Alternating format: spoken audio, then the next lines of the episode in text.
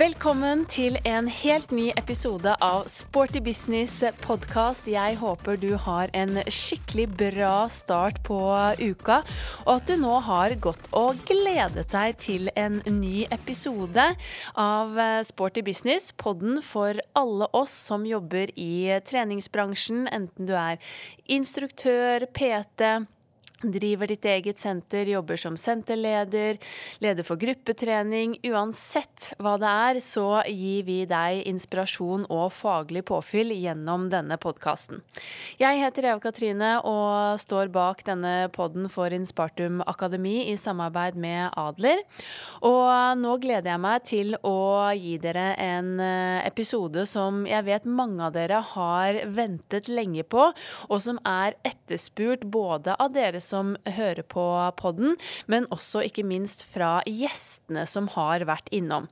For som dere vet, så pleier jeg jo alltid å runde av eh, podkastepisodene med å høre med dagens gjest hvem eller hva de kunne tenke seg å høre i podden selv. Og det som kanskje nesten har kommet frem flest ganger, det har vært å kunne høre fra noen medlemmer på treningssenteret, eller deltakere i gruppetrening. De som altså benytter benytter treningssentrene våre.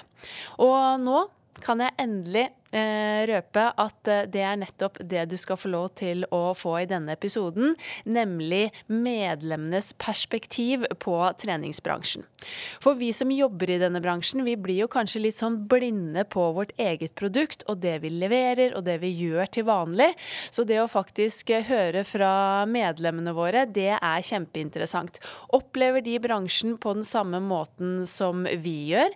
Hva er det de kanskje kunne ønske seg mer eller mindre hva er det de ser på som viktig i gruppetrening, eller hva er det de ser etter når de skal velge treningssenter?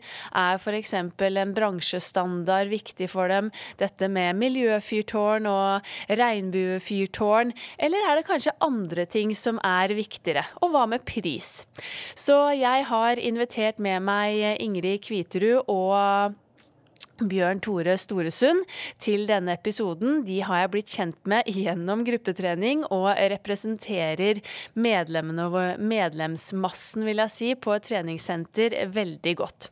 Så nå er det bare å glede seg til å høre hva faktisk de tenker om oss i bransjen.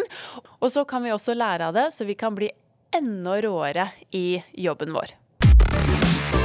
Hjertelig velkommen til Sporty business eh, podkast, både Bjørn Tore og Ingrid. Tusen takk. Takk. Veldig hyggelig at dere har kommet til mitt provisoriske podkaststudio her på Atletica Domus, som, eh, hvor du er kjent, eh, Ingrid. Du har jo vært på besøk her, eh, du også, Bjørn Tore. Men her sitter vi nå altså rigget opp, klar for en veldig spennende episode der dere som medlemmer på treningssenteret skal gi alle oss i treningsbransjen svarene på det vi lurer på. Jeg håper det. ja, vi får se. Det blir spennende. Dere er i hvert fall veldig ønsket, skal dere vite. Det er eh, mange som har kommet med ønske om å få høre fra noen medlemmer i treningsbransjen. For jeg intervjuer jo stort sett mennesker i bransjen, og vi har jo eh, vårt syn på det vi kaller verdens beste bransje. Men så er det jo interessant å høre hvordan dere faktisk opplever eh, vår bransje og vår verden. Så det gleder jeg meg til. Men sånn innledningsvis, kan dere ikke gi en sånn liten, kort introduksjon av eh, hvem dere er. Ingrid, har du lyst til å ta ordet? Ja. Eh, da Ingrid. 30 år. Og kommer egentlig fra ei lita fjellbygd som heter Vedabygda. Som ligger i Gudbrandsdalen. Eh, kom her. Eh, jobber til vanlig som frontsjef i NRK. Så det vil egentlig si styre nettsida. Så det er en veldig kontor- og stillesittende jobb. Ja, Og der kom litt av dialekten frem, som du nevnte før vi satte på record her i dag. At den kanskje kom frem. Ja, den sklir litt inn og ut. Og det er bare å beklage til de som prater dialekt, og de som ikke gjør det, for dette blir kaotisk. det er veldig koselig dialekt, da. det syns jeg. Bjørn Tore? Ja, Bjørn Tore heter jeg. Jeg er 61 år, har jeg blitt. Eh, oppvokst i Kragerø. Jeg har nok ikke så mye og så fin dialekt som det Ingrid har, men uh, jeg har da bodd i Oslo uh, siden jeg var ferdig utdannet sivilingeniør uh, på 80-tallet. og jobber med IT Utvikling av store datasystemer er stort sett det jeg jobber med. Mm. For tiden hos Vegvesenet. Ja. Så du også har en del stillesittende jobb? Det blir mye skjermarbeid eh, alle dager, ja. Ja. Og jeg har jo rekruttert dere da fra egne timer, for jeg har jo blitt kjent med deg, Bjørn Tore, gjennom Myrens treningssenter og Ingrid her i Atletica. Så det er jo veldig hyggelig. Eh, men hva er liksom deres eget forhold til treningsbransjen, eller når begynte dere å trene på et treningssenter første gang? Ja, det er i hvert fall helt riktig at jeg bare er kunde. Jeg har aldri selv vært i treningsbransjen. Eh, jeg begynte på treningssenter eh, i 1988. Det er vel det har blitt 36 år siden eller noe sånt. Det er jo skremmende. Um, og det var jo i forbindelse med at jeg begynte i en jobb hvor firmaet som jeg begynte i, de hadde firmaavtale med et treningssenter i Oslo. Ja, nettopp. Så det var egentlig jobben som fikk deg litt inn på senteret? Ja, og det at de jeg jobbet sammen med, uh, benyttet seg av det tilbudet. sånn at da var det naturlig at jeg ble med. Og jeg oppdaget jo med det samme at uh, gruppetrening i sal, det var jo akkurat det jeg trengte. Ja, kult. Og du har vært medlem siden? Jeg har vært medlem siden, bare i tre forskjellige sentre gjennom alle de årene. Ja, herlig. Ingrid? Jeg begynte når jeg flytta til Oslo i 2012 da jeg da skulle begynne å studere. Og da begynte jo da i SIO Atletica, som kanskje først og fremst er for studenter. Det er Studentsamskipnaden i Oslo som står bak. Men så har jo da blitt etter jeg var ferdig å studere òg. Så jeg har bare vært i SIO Atletica. Jeg har vært på noen prøvetimer, bl.a. på Myrens og litt sånn andre diverse sentre. Men har holdt meg trofast her, da. Av egentlig mange grunner. Men hoved, hovedgrunnen er jo egentlig gruppetimene her. Dansegruppetimene, som er min passion. Ja, med deg blant annet, da. Takk, takk. Så ja, det er dansetimene som holder meg her. Ellers så kunne jeg jo bytta. Det er inn, altså når man starta, så handla det jo om økonomi, fordi det var billig når man var student. Ja. Mens nå er det jo, som jeg ikke betaler studentpris lenger, så det, kunne det jo egentlig vært litt ett fett om det var her eller Sats eller noe annet. Det er sant. Da er ikke prisen uh, eksepsjonell. Det er den ikke. Nei. Men uh, som alle nå har hørt, så har jo jeg rekruttert dere egentlig gjennom gruppetrening. Så det er jo kanskje uh, sier seg selv at dere er veldig glad i gruppetrening. Men vil dere si er det også favoritt-treningsformen? Ja, jeg har holdt meg til det i alle år, stort sett. Har prøvd litt på andre ting også, men jeg har nok ikke nok selvdisiplin til å drive egentrening helt 100% Det er mye mye lettere for meg å bli, bli drevet av en, av en, instruktør i en gruppe. Ja, Men det er jo ikke å stikke under en stol at det fortsatt er flest jenter og kvinner i gruppetreningssalen. Uh, men faktisk når jeg også da var instruktør på Myren, så var det jo ganske mange menn vil jeg si, der på også trinntimer, som jeg syns var veldig kult. Men hva var det som gjorde at du falt for gruppetrening når du først uh, testet det? Ja, det var nok at det senteret jeg begynte på, altså High Energy som det, som det het den gangen eh, i Oslo, de, de, jeg tror de bare hadde gruppetimer. Ja, ja nettopp. Eh, det kom vel noe treningsutstyr, altså sykler og sånt der etter hvert, men, eh, men fokuset var hele tiden på gruppe, gruppetimene. Du ble egentlig tvunget inn i det, du da? ja, man kan vel nesten si det. Men sånn som jeg husker det, så var jeg på tre timer den første uka, og det fortsatte jeg med etterpå. så det det var, noe, det var ikke noe, så mye motstand her. Da. Nei. Og hva slags gruppetimer er det du går på i dag? I dag er det veldig mye forskjellig. I begynnelsen så var det mest eh, kondisjonstimer. Altså type aerobic, eh, dans, eh, den, den, type ting. Mens nå så går jeg mer, mer og mer på, på, styrketimer, men fortsatt i gruppe. Ja. Mm. Og til dels også PT-gruppe, med, med, færre deltakere, men, men fortsatt gruppe. Ja. ja. Ingrid? Ja, det er jo hovedsakelig Altså favoritten er trinntimer. Alt, all mulig dansing og step. Ja. Det er absolutt favoritten. Der ligger engasjementet. Men går òg på eh, yogatimer. Eh, og innimellom en styrketime, men trene og egentrening i, i, for meg sjøl rundt omkring. Ja. Det var kanskje det jeg begynte med. At sånn, Jeg oppdaga ikke gruppetime med en gang jeg begynte, så hadde litt sånn motsatt erfaring. Ja, jeg, måtte, jeg, måtte, dyppe tåa litt i det vannet. Eh, for jeg har ikke noe bakgrunn fra noe dans eller noe sånt. Nei. Men eh, så turte nok ikke helt til å begynne med. Så det var først å være litt på senteret, og så se at det foregikk timer. Og så begynne å prøve kanskje en zumba-time etter hvert. Og så har det balla på seg noe voldsomt, da. Ikke sant. Men hvor ofte er dere på treningssenteret nå, da? Ja, det blir vel kanskje en fire-fem dager i uka i snitt, tenker jeg. Ja. Jeg så på statistikken for i fjor, og da var jeg på ca. 300 økter totalt. Men um, Wow. ofte, ofte to økter på samme dag, da. ja. Shit, det er imponerende. Nei, jeg fikk helt bakoversveis her, og det er jo veldig bra. Og statistikk. Ja, imponerende. Ingrid, hvor ofte trapper du opp? Eh, altså, jeg vil si ca. tre til fire ganger i uka. Ja. Det kan være mer, og det kan absolutt være mindre. Så, men jeg vil tippe det er et gjennomsnitt med da en god blanding av eh, hovedsakelig da trinntimer, men òg litt egentrening som jeg føler jeg burde holde på med. i hvert fall. Ja, Det viktigste er jo den treningen man faktisk gjør. Jeg er så enig. Ja. Det tror jeg vi alle kan være enige om eh, rundt bordet her. Men vi som jobber i bransjen, vi er jo nå da veldig nysgjerrig på hvordan dere opplever vår eh, bransje som medlemmer. Nå er jo dere, eh, hva skal jeg si, engasjerte medlemmer da, som virkelig benytter dere av tilbudet. Eh, Så dere er jo ikke verken støttemedlemmer eller noen som kommer helt utenifra. Så dere er jo allerede selvfølgelig positive til treningssentrene, men likevel et annet syn på det, garantert, enn for oss som jobber i bransjen. Og noe av det første jeg har lyst til å spørre dere om, er jo omdømmet til treningsbransjen. For vi som jobber i bransjen, vi opplever at det har skjedd en god utvikling i bransjen de siste årene.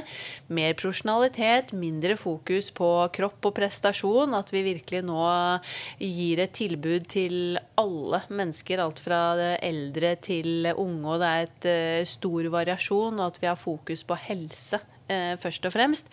Men så opplever vi også at de som ikke er en del av bransjen, kanskje har et annet syn på oss fortsatt. Et omdømme som henger igjen fra eh, tidligere år. Og det fikk vi jo også et, eh, egentlig et godt eh, svar på under pandemien, hvor vi var de første som ble stengt, og de siste som åpnet igjen. Hang jo også, med, eller hang jo også sammen med omdømmet vårt. Så har dere liksom noen tanker om omdømmet til treningsbransjen, eller hvordan vi blir sett på av eh, kanskje også venner eller kjente som dere har? Jeg tror jo Det er jo litt vanskelig å svare på, ja. Men jeg har ikke noe sånn Jeg tror at mye inntrykket kanskje ikke kommer av hva bransjen har skapt. Jeg tror jo mye handler om hvordan vi liksom ser på egentlig hele kropp og trening. At det er Man tenker at det handler om Og mye om utseende, tror jeg. At, og at folk kanskje er tvilende i seg sjøl. At dørstokkmila er der pga. indre følelser, som mer er sånn derre Nei, jeg er sikkert ikke sprek nok til å være der, eller jeg kan jo ikke bruke apparatene, eller jeg er for dårlig på koreografi Det er ikke noe for meg. Sånn, at man ikke tør å begynne. At, og det kanskje ikke handler så mye om hvilket image eh, bransjen skaper utad, men mer sånn hva som sitter i oss som mennesker. Som mer sånn Har ikke så troa på oss sjøl, kanskje. Eh, Litt skummelt og u... Ja. ja, litt. Men så har jeg jo sett eh, litt av det du ser. At jeg ser at bransjen prøver med å i f.eks. sosiale medier vise fram større bredde i ulikt aktivitetsnivå eller ulike typer kropper. Og aldre, ikke minst, som du sa. Så jeg ser jo at det, er, at det prøves, men jeg tror nok allikevel at mange sitter med et inntrykk av at på treningssenter så kan alle alt, og alle er nok bedre trent enn meg. ja. Mm, helt klart. Har du noen tanker, Bjørn Tore? Ja, jeg er nok enig i mye av det som er sagt, men jeg tenker vel også at omdømmet oppfattes litt forskjellig blant oss som er kunder, eh, i forhold til de som ikke er det. Og at kanskje det å ha et litt negativt inntrykk av omdømmet er, eller en negativ vurdering av omdømmet er en slags beskyttelse eller begrunnelse for å ikke, ikke prøve det. Ja, Altså absolutt. Enten det er fordi treningssentrene har en usunn treningskultur, eller, eller promoterer doping, eller, eller eh, nær sagt bare skaper økonomi til de rike eierne, eller hva, hva det måtte være. Men, eh, Ja. men eh, i hvert fall at, at, at man har det som en grunn til å ikke, ikke bli kunde der selv. Mm. Men har dere da noen tanker knyttet opp til markedsføringen, eller den markedsføringen dere kanskje får med dere? Eh, enten fra eget senter eller i sosiale medier eller mediene generelt av bransjen. Eh, opplever dere den som at eh, det fortsatt er mye fokus på kropp og prestasjon der? Ja, jeg må vel kanskje erkjenne at jeg ikke følger så veldig nøye på med den markedsføringen. I hvert fall ikke det som, som sendes ut til alle. Jeg følger jo med på de, de som er sagt uh, mitt eget senter, eller de, de sentrene som jeg er interessert i osv. Ja. Uh, og jeg har vel en, en fornemmelse der av at, at det har vært en dreining fra å være bare unge, spreke kropper til kanskje å vise litt mer mm, mangfold, litt mer allmenne Altså forskjellige typer, da. Ja. Som, som jeg oppfatter som positivt. Mm. Ja, jeg ser jo at de prøver. Så, men det, det har kanskje sånn som på sosiale medier, så veit man jo at det finnes jo et veldig stort mangfold på sosiale medier, men at folk legger så veldig merke til det perfekte eller uoppnåelige nesten uansett. At det, selv om du har sett egentlig veldig mye annet òg, så kanskje du legger mest merke til det som, du, som er kanskje stereotypen eller fordommen, da, som kanskje er veldig godt trente folk. Så da ser du ja, der var de igjen. Ja. Og så ser man kanskje ikke alt det andre som lages eller produseres, fordi man blir så fintuna inn på liksom det man nesten leter etter. Ja, det er sant. Hva tenker du som jobber i mediebransjen da, om alle disse oppslagene om sånn eh, drømmekroppen på 68 uker, slik blir du kvitt eh, ribba, eh, osv. Hvilken effekt tror du det har? Jeg kan jo ikke si at jeg tror at det nødvendigvis er positivt. Korrekt svar. Men, men det, det, er jo åpenbart at det er stor interesse for det der ute. Det er jo en grunn til at det lages så mye. Som Ja. jo på en måte er et slags uh, dårlig forsvar, det. For hvorfor alt det lages. Men det er jo en voldsom interesse for kropp og sunnhet og prestasjon og helse eh, i alt det medfører. da, Både det positive, men nå det kanskje ikke så positive. Ja. Uh, Ja, for det er jo typiske ting som kanskje vi i bransjen irriterer oss over, at det er mye det som popper opp i media. Er alle quick fixene eller alle liksom supertipsene, eller også alt som er optimalt, og hva som da ikke i gåsetegn er bra. Og så gjør man folk mer forvirra, eh, er det ene. Og det andre er jo da at det ofte blir mye fokus på kropp i forbindelse med sant? Det er sommerkroppen og drømmekroppen, og det er bli, bli kvitt eh, liksom magefett og det ene og det andre. Så jeg håper jo også at eh, vi kanskje kan klare å selge mer helse etter hvert òg, men jeg skjønner jo at det ikke er like salgbart og like sexy som eh, de andre tingene som popper opp. Det er i hvert fall kanskje vanskelig for eh, folk å skille mellom helse og kropp, fordi det henger jo sammen på sett og vis, men ikke nødvendigvis. Ja, Så det, godt poeng. det er vanskelig. Men kroppspress, da? Har dere noen tanker om eh, kring det? Er det noe dere har tenkt på eller opplevd selv? Um, Jeg, jeg registrerer at, uh, at senteret, altså Myrens, uh, har en kleskode. Uh, og det antar jeg at bl.a. har med å motvirke kroppspress. Og det, det tror jeg er lurt. Um, ellers så deltar jo ikke jeg på, tror jeg, på den typen trening hvor kanskje kroppspresset er mest fremtredende. Nei. Altså jeg driver ikke med kroppsbygging eller, eller noe mer sånn veldig sånn individuell type trening. Nei. Um, ja. Ja, jeg lurer på om faktisk her at vi ikke har noen kleskode lenger på SIO Atletica. Det lurer jeg på om har vært, men at det har blitt borte. Og det lurer jeg på om kanskje var noe sånn magetoppaktig eller Ja, den er blitt, eh, hva skal jeg si, justert i det siste til noe litt mer kryptisk som jeg syns er vanskelig å tolke.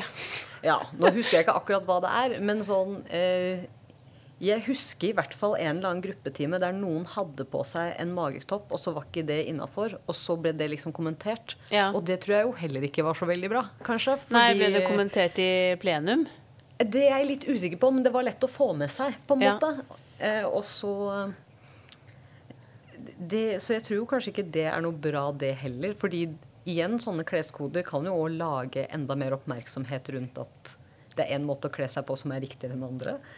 Og så er det jo litt sånn at eh, på treningssenteret så er det mye avslørende treningsklær. Det er tettsittende tightser eller Og du kan jo så klart velge å gå med løsere ting, men det er allikevel litt sånn avslørende setting. Så kropp er jo veldig synlig, og trening er jo mye kropp. Så at, det, at kroppspress kanskje er ekstra hett tema i treningsbransjen, det tror jeg jo absolutt. Det er jo det i samfunnet ellers òg, men kanskje spesielt der fordi det handler mye om Trening er mye kropp, da. På, så, og det er veldig synlig kropp. Så om du skal bygge muskler, eller om du skal løpe fort, eller hva det måtte være. Ja. Eller være veldig fleksibel. Så det, det, er, det er mye kropp. Da. Så at det blir kroppspress som hører med det, det tror jeg så absolutt. Ja, ja, det der tror jeg det kommer til å være en evig debatt, egentlig. Og også dette med som du sier, kleskode. Men ja, trening og helse, det handler jo om kropp, så vi kommer nok kanskje aldri til å eh, komme helt bort fra det. Men kanskje vi klarer å endre fokus enda mer, da, som jeg syns jo vi er på vei til å gjøre. Men det er veldig godt poeng som du sier, at det, det vil nok på mange måter alltid være til stede i treningsbransjen, og at vi kanskje aldri kommer unna det. Det er, vel, det er vel også da kanskje en, en god idé at, eller en god tanke at treningssenteret kommuniserer at man har et tilbud til alle. Altså at du behøver ikke å ha en kropp som passer med en eller annen mal for å kunne eh, benytte treningssenteret. Nei, helt klart. Det er uh, kjempeenig. Men hva tenker dere på, eller hva er det viktigste for dere på et treningssenter, da? Er det studio, er det utstyr, er det da gruppetreningen, som hint, hint, jeg allerede har skjønt selvfølgelig er viktig, men uh, er det da instruktørene, kvaliteten på gruppetimene, liksom renhold, service, uh, følelsen av å føle seg trygg, at det er sikkert å trene der? altså hva, altså Her må dere gjerne trekke frem så mange ting dere vil, men hva anser dere som på en måte dette er viktig for at jeg en, skal velge dette senteret, men også kanskje da trives og velger å være der over tid? Ja, Det aller viktigste for meg er nok eh, miljøet på senteret. For det opplever jeg at varierer litt fra det ene senteret til det andre. Eh, men jeg går bare på gruppetimer, og det vil jo si at utvalg og tidspunkt for gruppetimer er jo er jo åpenbart viktig. Og også da hvilke instruktører. Men uh, der er, tenker nok jeg at jeg, altså jeg har bare vært borti dyktige instruktører. Mm. sikkert ære til sentre, sentrene jeg har gått på. Ja.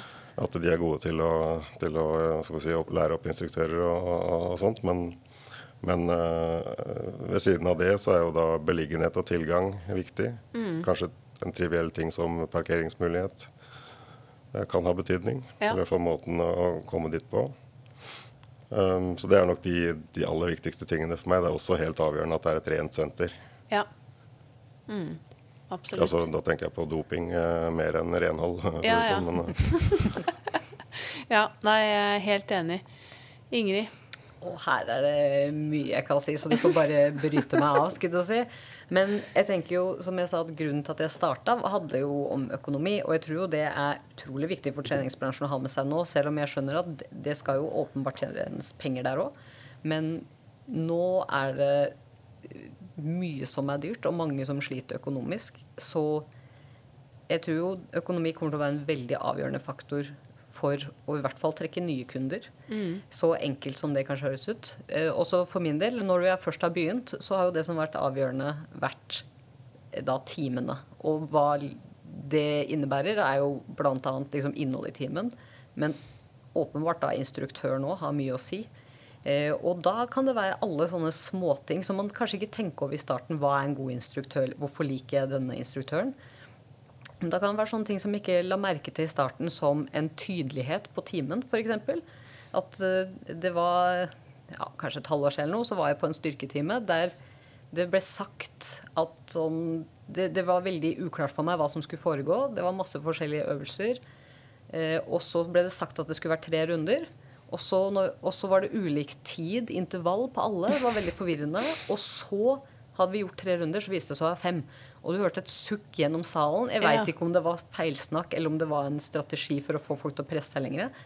Men da det ble sånn Hit skal jeg ikke tilbake. Uh, og jeg har ikke vært tilbake på Nei. den timen. Fordi sånn For meg så var ikke det en Jeg liker heller å kunne uh, få høre hva er det denne timen er. Så ja. få en tydelig setup. Og underveis og sånne små uh, Sånn som jeg har deg som instruktør. Og da etter hvert så begynner man å legge merke til sånne små ting som dere gjør, som har veldig mye å si for at man skal ha en god time. At du har ulike tegn for å si sånn Nå kommer det en endring. Nå må du følge med. Ja. Og det lærer man jo av hver enkelt instruktør på sikt. da. Men de som ikke gjør det, da kan ting komme som lyn fra klar himmel hele tida. Mm. Små sånne tegn, eller på step-timer så gjør de ulike tegn som man blir kjent med Som de gjør litt på forhånd. Og ja. det, det legger man merke til. Også som vi snakka om litt tidligere, det med eh, egentlig sånn ikke så fokus på prestasjon. At det blir sagt i mange timer, det vil jeg gjerne berømme deg og flere andre instruktører for, spesielt her, at de er veldig gode til å si sånn at uh, ha det gøy. Det viktigste er at vi har det moro. Og hvis, hvis vi får trent i tillegg, så er det en bonus. Hvis du gjør noe feil, det er meninga, det skal være vanskelig første gangen. Du sier sånn en uventa solo er velkommen. Ja. Bare de småtinga som gjør det som et sånn trygt space. da, At faktisk så trenger du ikke å være best når du kommer på den timen. Det er lov å gjøre det feil. Mm. Ja, det er jo Jeg gleder jo mitt instruktørhjerte, dette du sier nå. Også dette med tegn og visuell cueing. Eh, for det er jo meningen at man skal gjøre det så forutsigbart og trygt som mulig for dere, sånn at det igjen skaper mestring. Men når vi er inne på det med gruppetrening og instruktører, da, hva tenker du er, skiller seg ut hos de instruktørene som eh, lykkes, eh, Bjørn Tore, eller de du setter ekstra stor pris på? Eh, jeg tror det har mer med hvordan programmet er satt sammen, enn hvordan instruktøren eh, legger det frem, eh, egentlig. Altså at, at si, kombinasjonen av øvelser passer bra. At du passer lengde, passer overgang til neste. At ikke du har full belastning på samme kroppsdel to ganger etter hverandre. Mm. Sånne ting. Altså timen er koreografert eller satt sammen. Altså, ja. Eh, bra. Det, det, er nok viktigere, tror jeg, enn en hvordan instruktøren gjør det. Jeg har jo også hatt gleden av eh, gjennom årene ganske mange ganger å være med nye instruktører fra kanskje til og med deres første time. Mm. Eller den første gangen de hadde én sang på en annen instruktørs time. Ja, ja. Og så oppleve hvordan de etter hvert blir trygge i rollen og kanskje da klarer å å være veldig tydelig på å si ifra på forhånd når, når, skal, når, man skal forandre bevegelser, eller når, når ting skjer og sånt. Ja. Fra at man kanskje i starten ikke klarer det fordi man har nok med å tenke på å klare dette selv, ja, ja. antagelig. Og det, det syns jeg er veldig gøy. Mm. Ja, å følge det er mye den, å huske på. Eh, mye å huske på, ja. Og, da, og du, du, jo, du, blir jo ikke en erfaren instruktør før du først er uerfaren, på en måte. Altså, og, og, man må få lov å være uerfaren også. Og det, det å oppleve den utviklingen der, det, det, er jo noe av det jeg har satt pris på eh, mange ganger. Ja, ja, det blir jeg også veldig glad for å høre, for det er jo faktisk en utfordring mange sentre har. At nye instruktører kanskje sliter med å fylle salen nettopp fordi de er nye og uerfarne. Og da gjør man jo Altså man må jo få lov til å prøve seg frem, og man må lære. Det er jo som å være ny i alle andre jobber eller nyutdannet. Men så klarer man kanskje ikke da å liksom fylle den salen med en gang, og så er det da begynner man da å tvile på instruktøren også tas kanskje timen av timeplanen. ikke sant? Og da Man må jo få den muligheten til å faktisk utvikle seg og bli god. Man må jo ha et sted å begynne. Eh, så det er jo så viktig. Men jeg må også spørre deg, da, i og med at det tross alt fortsatt ikke er nok menn vil jeg si, på gruppetrening. Hva tror du, eller hva tror du det er som gjør at det er så få menn på gruppetrening? Ja, det, det rare er vel nesten at det blir færre. Altså Når jeg ser på de, eh, de, mennene rundt meg på timene, så er alle, alle er på min alder. Altså, og de har jo vært der hele tiden. ja, ja. Vi har jo vært der siden vi var unge, vi også. Men, men det kommer ikke noen nye unge. Nei, eller i hvert fall få. da. Ja. Eh, jeg har vel egentlig ikke noe godt svar på det. Altså, kanskje de rett og slett ikke vet om det. For de driver jo med, med trening, de fleste menn også, men da antagelig andre former. Ja. Jeg har tenkt mye på at det går litt på uvitenhet og fordommer for hva som skjer inni den salen. At det kanskje har en del med det å gjøre. Men jeg syns jo bl.a. Myrens, da, hvor du trener, har vært flinke til å rekruttere forholdsvis ganske mange gutter og menn i gruppetrening. Eh, så de har jo gjort noe riktig der. Og så hjelper det vel når det begynner å bli litt flere av dere i salen til å kanskje tørre å komme inn som ny. Ja, det kan nok være litt skummelt å være eneste mann. Da føler man kanskje fort at man gjør noe gærent, men, eh, men eh, det går jo, det også. Ja. Mm. Nei, jeg håper jo at liksom flere hadde turt å ta steget, for nå finnes det jo virkelig gruppetrening som kan passe for alle. Og som du sier, da får man litt hjelp til å møte opp og ikke måtte være disiplinert og gå og trene alene i, i salen selv. Men du var jo inne på dette med rent senter. Altså nødvendigvis ikke renholdet, men da med tanke på doping, og da antidoping, som har eh, dette Rent senter-programmet for treningssenteret. Og i dag så finnes det jo flere sertifiseringer. Man har jo miljøfyrtårn-sertifisering. Kanskje dere har hørt om det. Det er jo mange bedrifter som tar eh, eh grønne valg og sertifiserer seg som miljøfyrtårn. Atletica har jo nå blitt sertifisert, og også EVO-kjeden. Men ellers er det ikke sånn kjempemange andre sentre i treningssenterbransjen ennå. Men det er jo litt på gang. Det har kommet på plass en europeisk standard for senterdrift, eh, som har fokus på trygg og sikker drift, og at du har eh, enkelt sagt liksom orden i sysakene og tar sikkerhet bl.a. På, på alvor. Og så finnes det jo selvfølgelig sant, rent senter og andre sertifiseringer, men hvor viktig tenker dere at sånne sertifiseringer er for dere i dag, eller ved valg av senter senere? Er det et pluss å sette et klistremerke på veggen der det sto miljøfyrtårn sertifisert og sertifisert etter europeisk standard? Jeg, jeg, tenker jo at Det er jo alltid en bra ting å kunne bevise at man faktisk jobber seriøst med dette. her, Og som du sier, vise at man har orden i sysakene. Men jeg tror jo mange på en måte forventer det litt òg. At man sitter og forventer at ja, så klart burde de ta likestilling på alvor. Eller eh, tenke på sitt miljøavtrykk. Så det kan jo hende at man blir litt sånn naiv på et eller annet vis og bare tenker at ja, men de tingene tenker de vel på, selv om de ikke er sertifisert. Ja. Så, men tenker jo at de sertifiseringene Eller at de Det viser jo at de faktisk må følge et, noen visse regler og standarder. Mm. Og det er jo alltid positivt at man liksom kan sjekke dem litt i korta, da. Ja. Men så tror jeg nok mange òg bare tenker at det må de vel ha kontroll på. ja. Tror du hvis det hadde blitt mer synlig, hvis det f.eks. hadde poppet opp på alle SATS-sentrene i nærheten, at de var både miljøfyrtårnsertifisert og eh, sertifisert etter den europeiske standarden, mens Atletica, hvor du trener, de hadde ikke de klistremerkene på veggen. Tror du det hadde gjort noe med deg som forbruker med tanke på hvor du ville ha trent da? Det er litt vanskelig å si. Sånn, nå er jo Grunnen til at jeg er veldig knytta til et senter, handler om litt andre ting. Da. Men hvis jeg hadde vært litt sånn ferskere og, og, begge de sentrene var rett ved meg og var like i pris, så kan det jo hende at det har en faktor. Ja. Eh, og så er jo det forskjell på folk og hvor mye man er inni det, kanskje. Sånn som f.eks. du sier miljøfyrtårn. Sånn, hva betyr egentlig det? Ja. hva, hva, må, hva, hva slags kriterier følger de? Det tror jeg ikke folk sitter og vet. Jeg sitter ikke og veit det. Nei. Så man bare tenker at det høres bra ut, men akkurat hva, hva ligger i det, det tror jeg jo ikke folk veit. Og det er kanskje litt vanskelig å kommunisere òg, for det er sikkert komplekst. Selvfølgelig. Ja. Hva er din første innskytelse, Bjørn Tore? Nei, det er, det er, vel kanskje at, at, noen av de sertifiseringene virker å være veldig avgjørende, mens andre kanskje ikke er fullt så avgjørende. Altså, jeg vil nok forutsette at det senteret jeg går på er fritt for doping. Mm. Det ville ikke være aktuelt å gå et sted som, eh, som, som kanskje ikke var det. Nei. Eh, jeg vil nok også kanskje forutsette at, eh, at senteret hadde det nødvendige utstyret for å ta vare på meg hvis jeg får hjerteproblemer eller, eller hva det måtte være. Ja. Um, mens kanskje det med miljøfyrtårn ikke er så avgjørende. i hvert fall. Altså hvis, jeg, jeg vil nok ikke velge et miljøfyrtårnsenter som var vanskelig å komme til, hvis jeg hadde et lett tilgjengelig senter som ikke, som ikke hadde den sertifiseringen, tror jeg. Ja. Nei, for Håpet for bransjen er jo at disse sertifiseringene skal være med å heve profesjonaliteten, og at dere som forbrukere får et litt mer sånn bevisst forhold til hva de ulike sentrene selvfølgelig også leverer, og hvilken standard det har.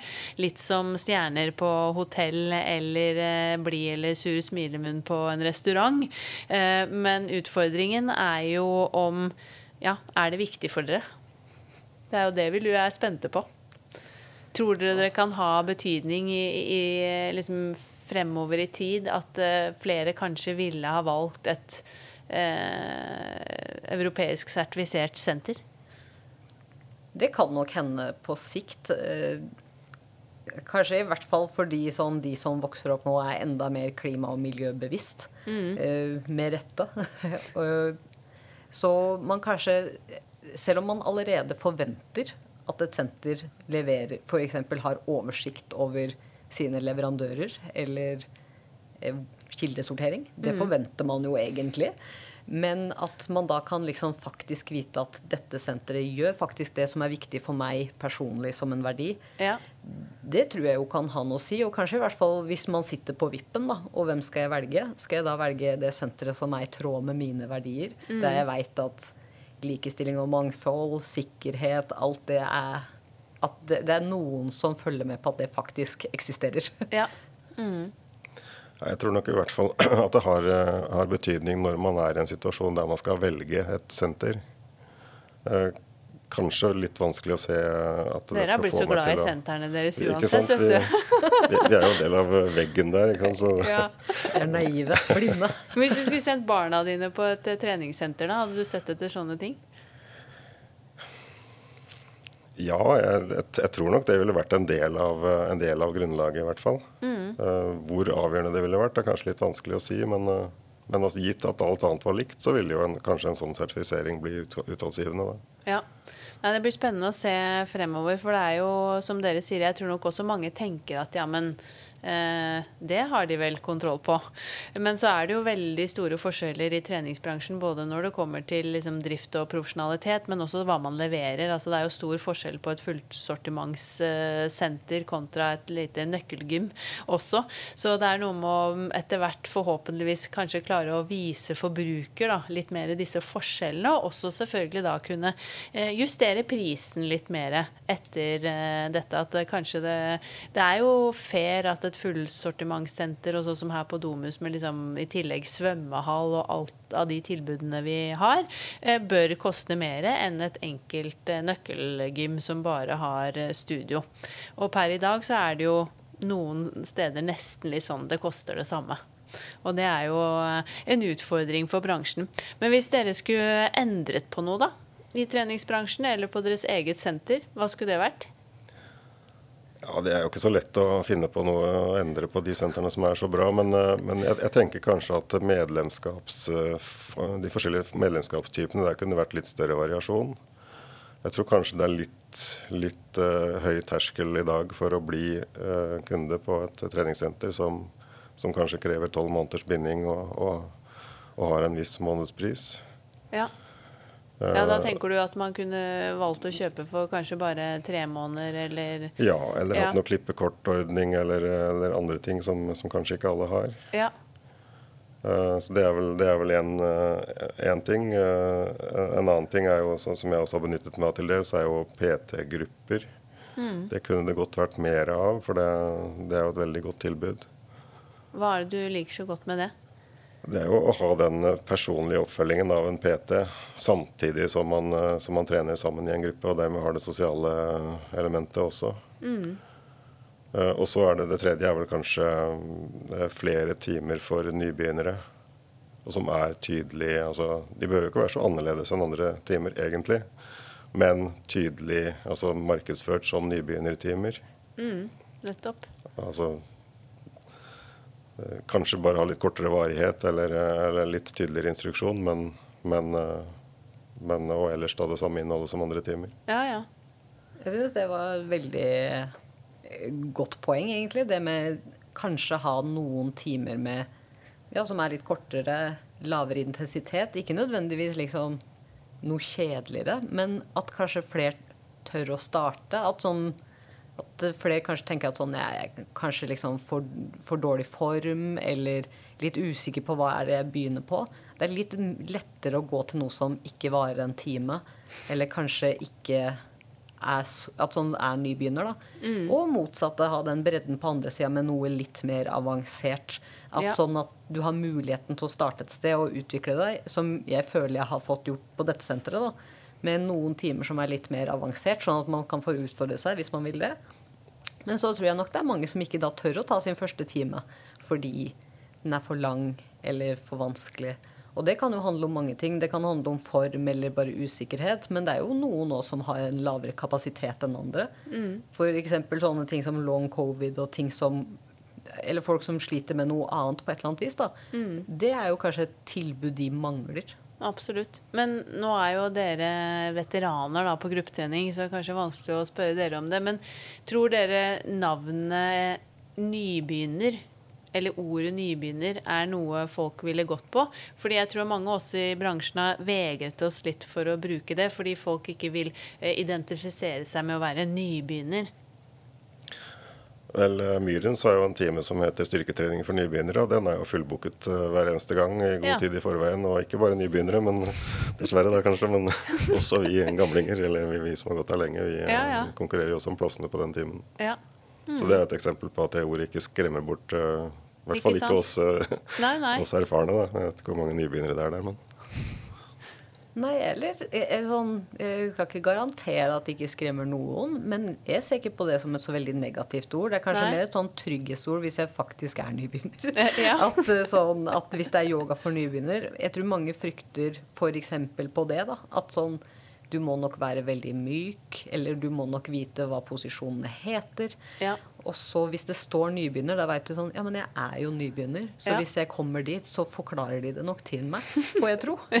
Så Men syns dere vi generelt også lager for mye vanskelige navn? På gruppetimer og ting vi finner på? Ja, altså man, man klarer vel å se gjennom navnet hva det antagelig er for noe, da. Men om det heter noe sånn kardiobit eller et eller annet sånn rart, så ja, det er klart man skjønner vel det, men Ja. det er jo kanskje Jeg har jo sett Nå husker jeg ikke noen i huet nå, men at det har vært noen litt sånn eh, Du merker at de har dratt på litt da, for å pumpe opp den timen. At Ja. det er sånn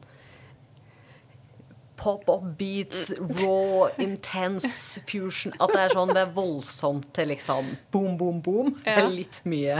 Det har vært noen sånne type navn. Ja. Jeg vet ikke om det er, eller navn dere på timer, eller er det sånn det kunne hett hva som helst, på en måte? Altså sånn det kunne bare hett dans og høypuls og styrke 1 og styrke 2, for eksempel, da. Eller er også navn Fenger dere Fenger navn dere litt? Jeg tror jo det kan fenge, men jeg tror jo det er viktig at det illustrerer til en viss grad hva det handler om. Ja. Men for min del har det nok også mye å si den uh, I hvert fall på det senteret jeg går på, så kan du da lese en kort beskrivelse når du da trykker deg inn på timen litt mer. Hva Ja. er det? Og den har hatt mye å si for meg Mm. eh, for å velge eh, timer, og kanskje for å ikke velge timer. At eh, det tok ganske lang tid for eksempel, før jeg prøvde din time, som heter dance. Ja. Og så, Det høres jo bra ut, den tittelen. Da tenker jeg det er dans, som du er. Men i skildringen så står det f.eks. avansert koreografi. ja. Og da tenkte jeg det Takk for meg. Det tror jeg ikke er noe for meg. Fordi det, det Jeg har ikke tiltro til at hvis det står avansert, da er ikke det noe for meg. Nei. Så den timen hadde jeg, prøvde jeg jo ikke før noen jeg kjente eh, Godt innspill. Her må vi gjøre en redigering, hører jeg. Altså, det kan jo, men det er jo bra at man blir litt advart, skal jeg si, for det er jo litt vanskelig. Men det er jo den der at hadde ikke noen overtalt meg til å gå på den timen, så hadde jeg aldri prøvd den. Og jeg Nettopp. elsker den timen. Ja, ikke sant? Hva tenker du? Jeg tenker nok at navnet ikke har fryktelig mye å si, men, eh, men man bør vel sørge for at timer som er veldig forskjellige, ikke har veldig like navn. Sånn at man, at eh, man risikerer at eh, folk rett og slett går på feil time. Altså, Ja. for det, det kunne, jo, kunne jo skjedd hvis man bare kalte det for noe med én og to. Og, og det, hvis jo da var to helt forskjellige ting, så, Ja, ja. så bør nok navnet si noe om hva det er. Ja. Nei, for det er jo sånn som vi i bransjen igjen syns er veldig gøy. Å lage kule navn på ting og tenker at det skal være så fancy og hipt. Og så tror jeg det har gått litt stokk over stein innimellom, og så blir det for hipt, f.eks. Så jeg har sett eh, det er et eh, treningssenter på Flisa faktisk som heter Happy. Så en liten shout-out til dem i poden hvis de hører på, da. Men eh, de, det syns jeg er veldig gøy, for de er sånn Mjuk. Det er en time som heter Mjuk. Og så er det liksom eh, godtråkke, eller hva det er for noe, og så er det negd. Det er jo dialekt, da. Men da tenker jeg ok, det er sikkert i hvert fall en time du blir fornøyd på.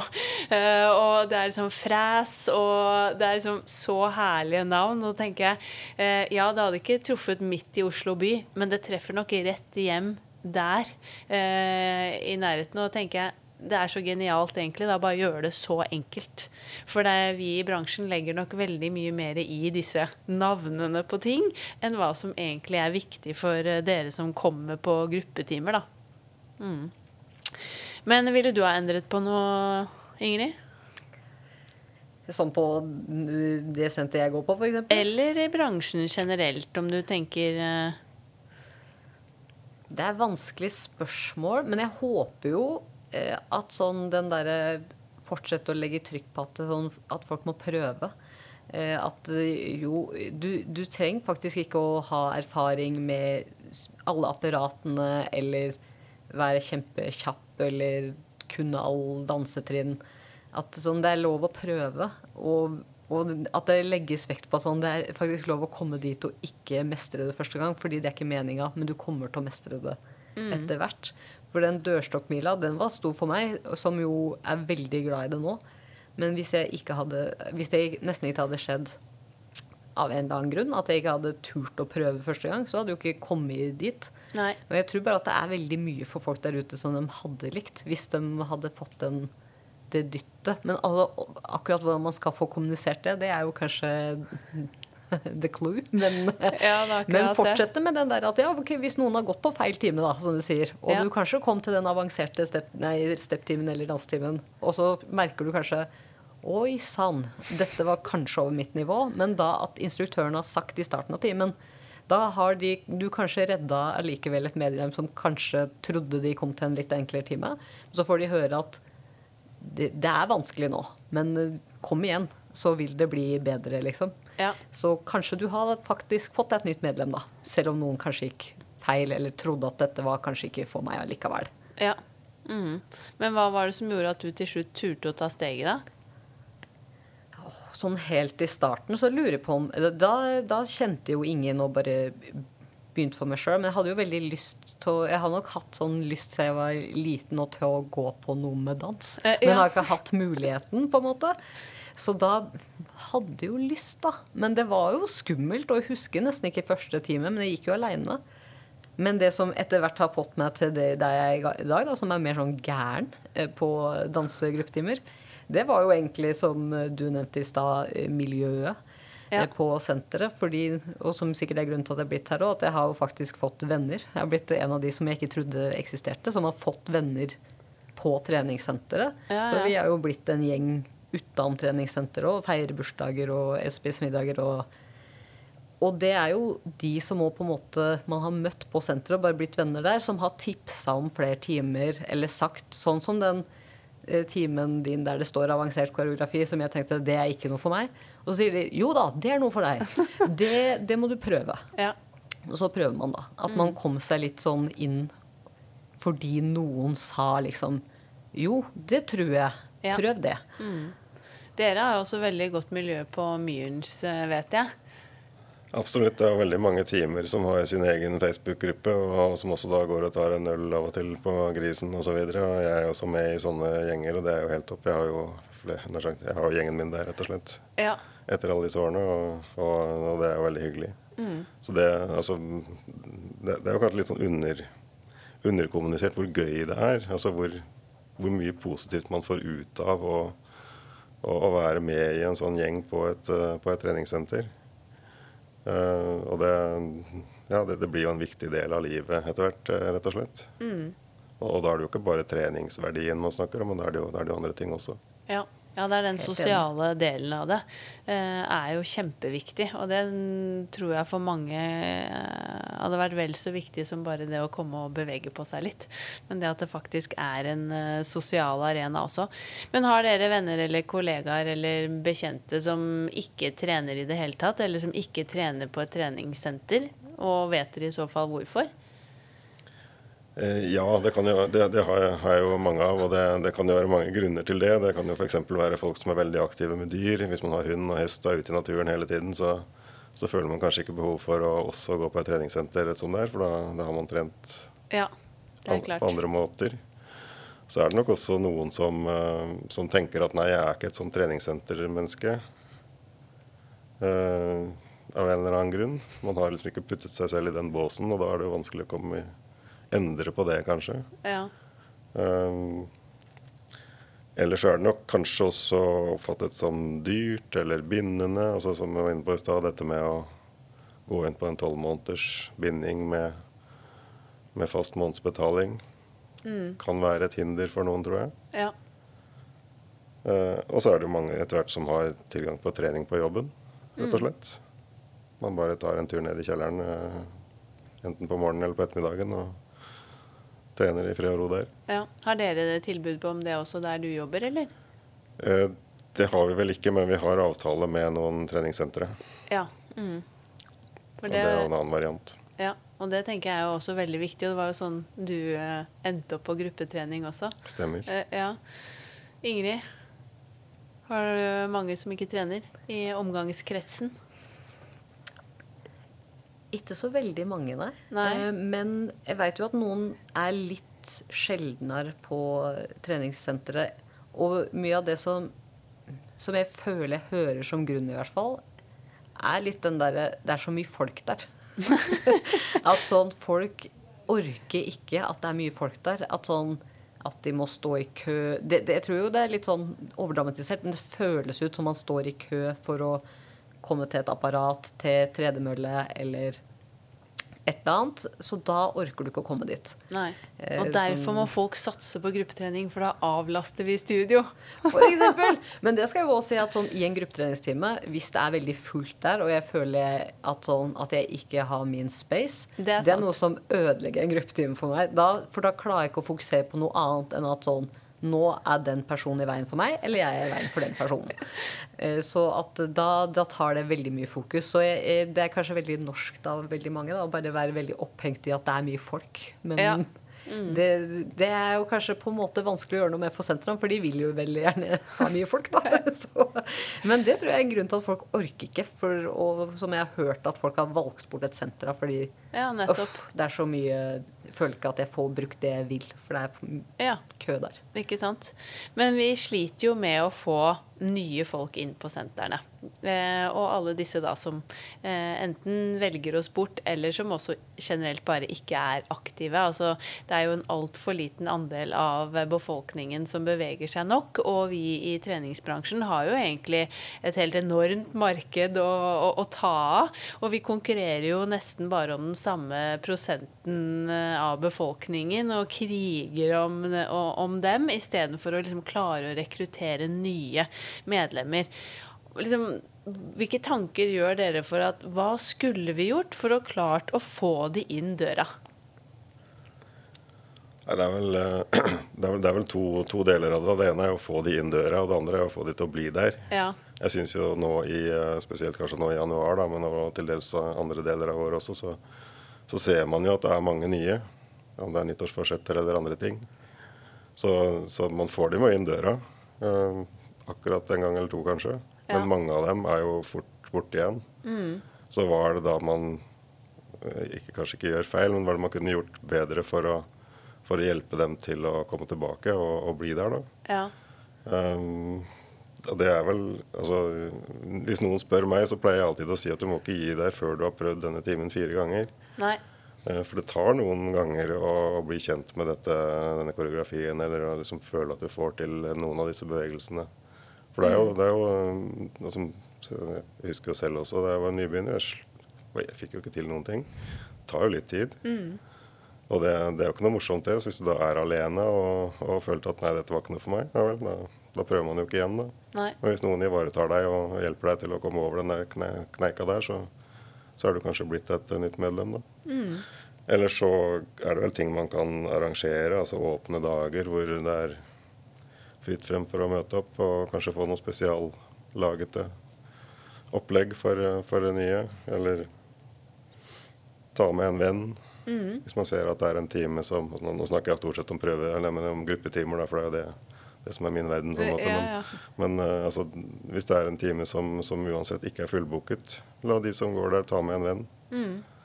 Så får man med noen flere. Og noen av dem blir der kanskje. Ja, absolutt. Um, eller eh, være synlig i lokalmiljøet. Altså arrangere familiedager om sommeren med grilling ute, eller hva, hva det måtte være, som gjør at treningssenteret blir en enda synligere del av lokalmiljøet. Kanskje det kan inspirere noen til å se at ja, det går an å trene her istedenfor å ja, gjøre det jeg må holde på med, og det- hva det måtte være. Godt tips. Jeg henger meg jo egentlig litt på den, på den delen med å få folk til å bli værende. Og spesielt sånn som eh, vi to har snakka om, da, så har jo vi blitt værende pga. gruppetrening. Jeg tror jo det er veldig lojalitetsbyggende, fordi du forelsker deg i et program eller en instruktør, eller bare du føler deg trygg der på et eller annet vis. Så jeg tror jo gruppetime er en veldig bra inngang til å få folk til å bli. Og da har det jo veldig mye å si, litt av det vi var inne på tidligere, hvordan du blir møtt og ivaretatt. Den, at det blir sagt da, at sånn her skal du ha det gøy, eller du må komme tilbake tre-fire ganger fordi det vil gi deg sjøl tid til å bli god, på en måte. At noen sier den generelle, men kanskje òg liksom ser deg i løpet av timen og bare Ja, veldig bra, liksom. Eh, For da, da føler du at sånn, sjøl om Mest sannsynlig så kommer du ikke til å komme på en første time og føle at du mestrer alt, uansett nesten hva du går på. Og da er det jo veldig lett den der, hvis du har kommet aleine, føle seg mislykka, gå hjem, ikke kom tilbake. Ja. Og da er det, hvis du klarer å bygge en eller annen trygghet eller glede eller optimisme på den første gangen, da tror jeg du kan lock them down. Eh, ja. Men den må få de inn, det, da er jo, å tenke jo egentlig samme at, sånn, at sentrene har lite å tape på å være ganske rause med sånne prøvetimer og ja, lage litt lettere å få folk inn på de gruppetimene, da, fordi ofte er jo mange av de gode gruppetimene fullboka. Og da er det veldig vanskelig å ta med en venn hvis det ikke er liksom, hvis du ikke veit om den personen får lov å komme inn på den timen gratis.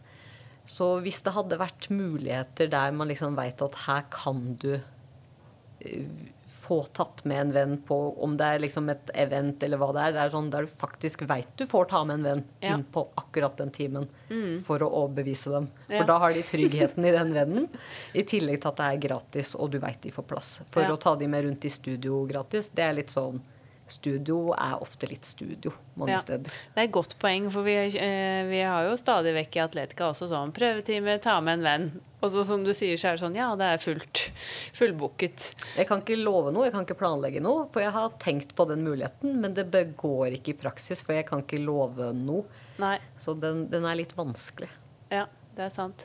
Nei, altså den eh, Hva skal jeg si? Det å knekke den koden med hvordan vi skal eh, få enda flere inn dørene, det, den er det jo mange som prøver å knekke, for å si det sånn.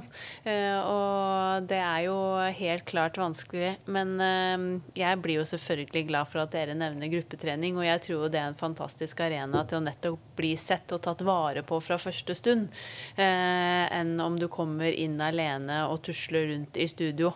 Litt sånn uvitende om hva du skal gjøre. Og der, der savner jo jeg de gamle treningsveilederne som man hadde før i tiden.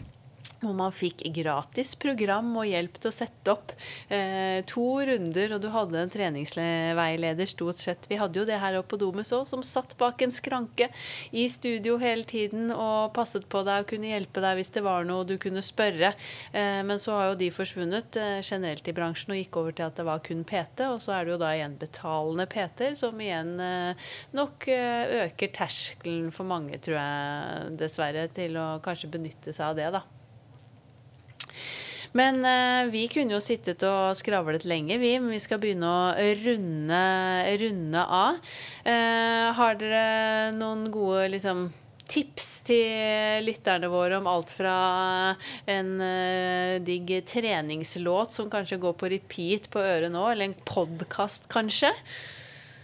Til trening. Ja, hvem vet? Eller hører dere på musikk hvis dere sånn ellers? Nå er jo dere mye på gruppetrening, da, men uh... Ja, men jeg er veldig glad i musikk eh, sånn på privat nå, så det er, musikk det går jo hos meg. Og akkurat nå eh, det går jo, Alt går i faser. Men jeg har hørt mye på artisten Rev, som jeg syns har Det er litt sånn dance-pop-aktig. Eh, der, hun har mye bra låter som er bra å trene til, syns jeg. Blant Ja. annet sånn Kontroll Alt Elite. Tang, headphones, uh, Big Boom. Her er det bare å kose seg. Rev der, altså. ja, det må jeg sjekke ut også. Ja, Kanskje jeg kan eh, bruke noe til timer til og med. Ja, jeg, jeg hører jo mye på en gruppe som heter Sparks. Ja. Fantastiske låter, melodier og veldig variert. Sikkert noe som passer til trening også, selv om jeg ikke bruker det til det. fordi at jeg går jo på treningstimer som eh, nær sagt andre har satt musikk til. Men jeg husker når jeg jobbet på Myren, så fikk jeg stadig noen gode musikktips av deg til når jeg skulle lage nye program. Ja, ikke sant? Du klarte å bruke noen av dem også. Det ja. Men eh, når det gjelder noe som eh, kverner rundt i hodet, så, så var det første jeg tenkte på ABBA. Ja, Uh, Does your mother know? ja. ja. Alltid en slager. Den den. den kverner. Ja. Herlig. Men eh, hvem kunne dere selv ønske å høre i eh, Sporty business, da, hvis dere skulle hørt på denne podden? Eller har dere noen tanker om hvem vi i treningsbransjen burde eh, lytte til, eller noen temaer vi burde løfte frem? Ja, jeg, nå jeg ikke, har jeg ikke helt oversikt over hvem som allerede har, har vært her, da, men en som det hadde vært uh, spennende å høre, var jo, er jo Kristina Terkelsen. Mm. Uh, altså gründeren av Crunch. Absolutt. Som har vært i bransjen i en årrekke og, og sikkert har mye spennende å fortelle. Ja, veldig godt tips. Hun har ikke vært gjest ennå. Så det er notert med store bokstaver på lista. Eh, tema samme igjen, da, med forbehold, eh, treningsreiser. Altså mm. Noen av sentrene arrangerer jo reiser til Syden. Ja. Eh, kunne vært et interessant tema å, å høre om. Absolutt. Eh, altså sånn Tematisk så syns jeg jo kvinnehelse er interessant. Sånn, og eh, f.eks. har VG hatt flere spennende saker om f.eks. menstruasjon og trening. Mm. Hvordan det henger sammen. Eh, og det samme kan jo være med sånn type vaginisme. At man, kan man trene det på seg? Kan man trene det av seg? Ja. Eh, sånne som egentlig der det er mangelfull informasjon da, og vanskelig å finne, men som store deler av befolkningen, eller halvparten omtrent, i hvert fall på menstruasjon, ja. har eh, et eller annet forhold til. da. Mm. Men nå som vi snakker om musikk, da. Eh, musikk det kan jo både være vitenskapelig, hvordan det påvirker prestasjoner, eller det kan være litt mer sånn teknisk for hva er god musikk i gruppetreningssammenheng. Mm. Helt klart. Veldig gode tips. Men eh, jeg må også spørre dere, har dere liksom noen ønsker eller drømmer for bransjen fremover? Eller tror dere den kommer til å bestå ganske lik, eller tror dere vi kommer til å se liksom en stor utvikling? Eller hvis dere skulle liksom, hva skal jeg si, tenke sånn helt ut av boksen, er det noe liksom virkelig dere kunne drømt om i, i fremtiden?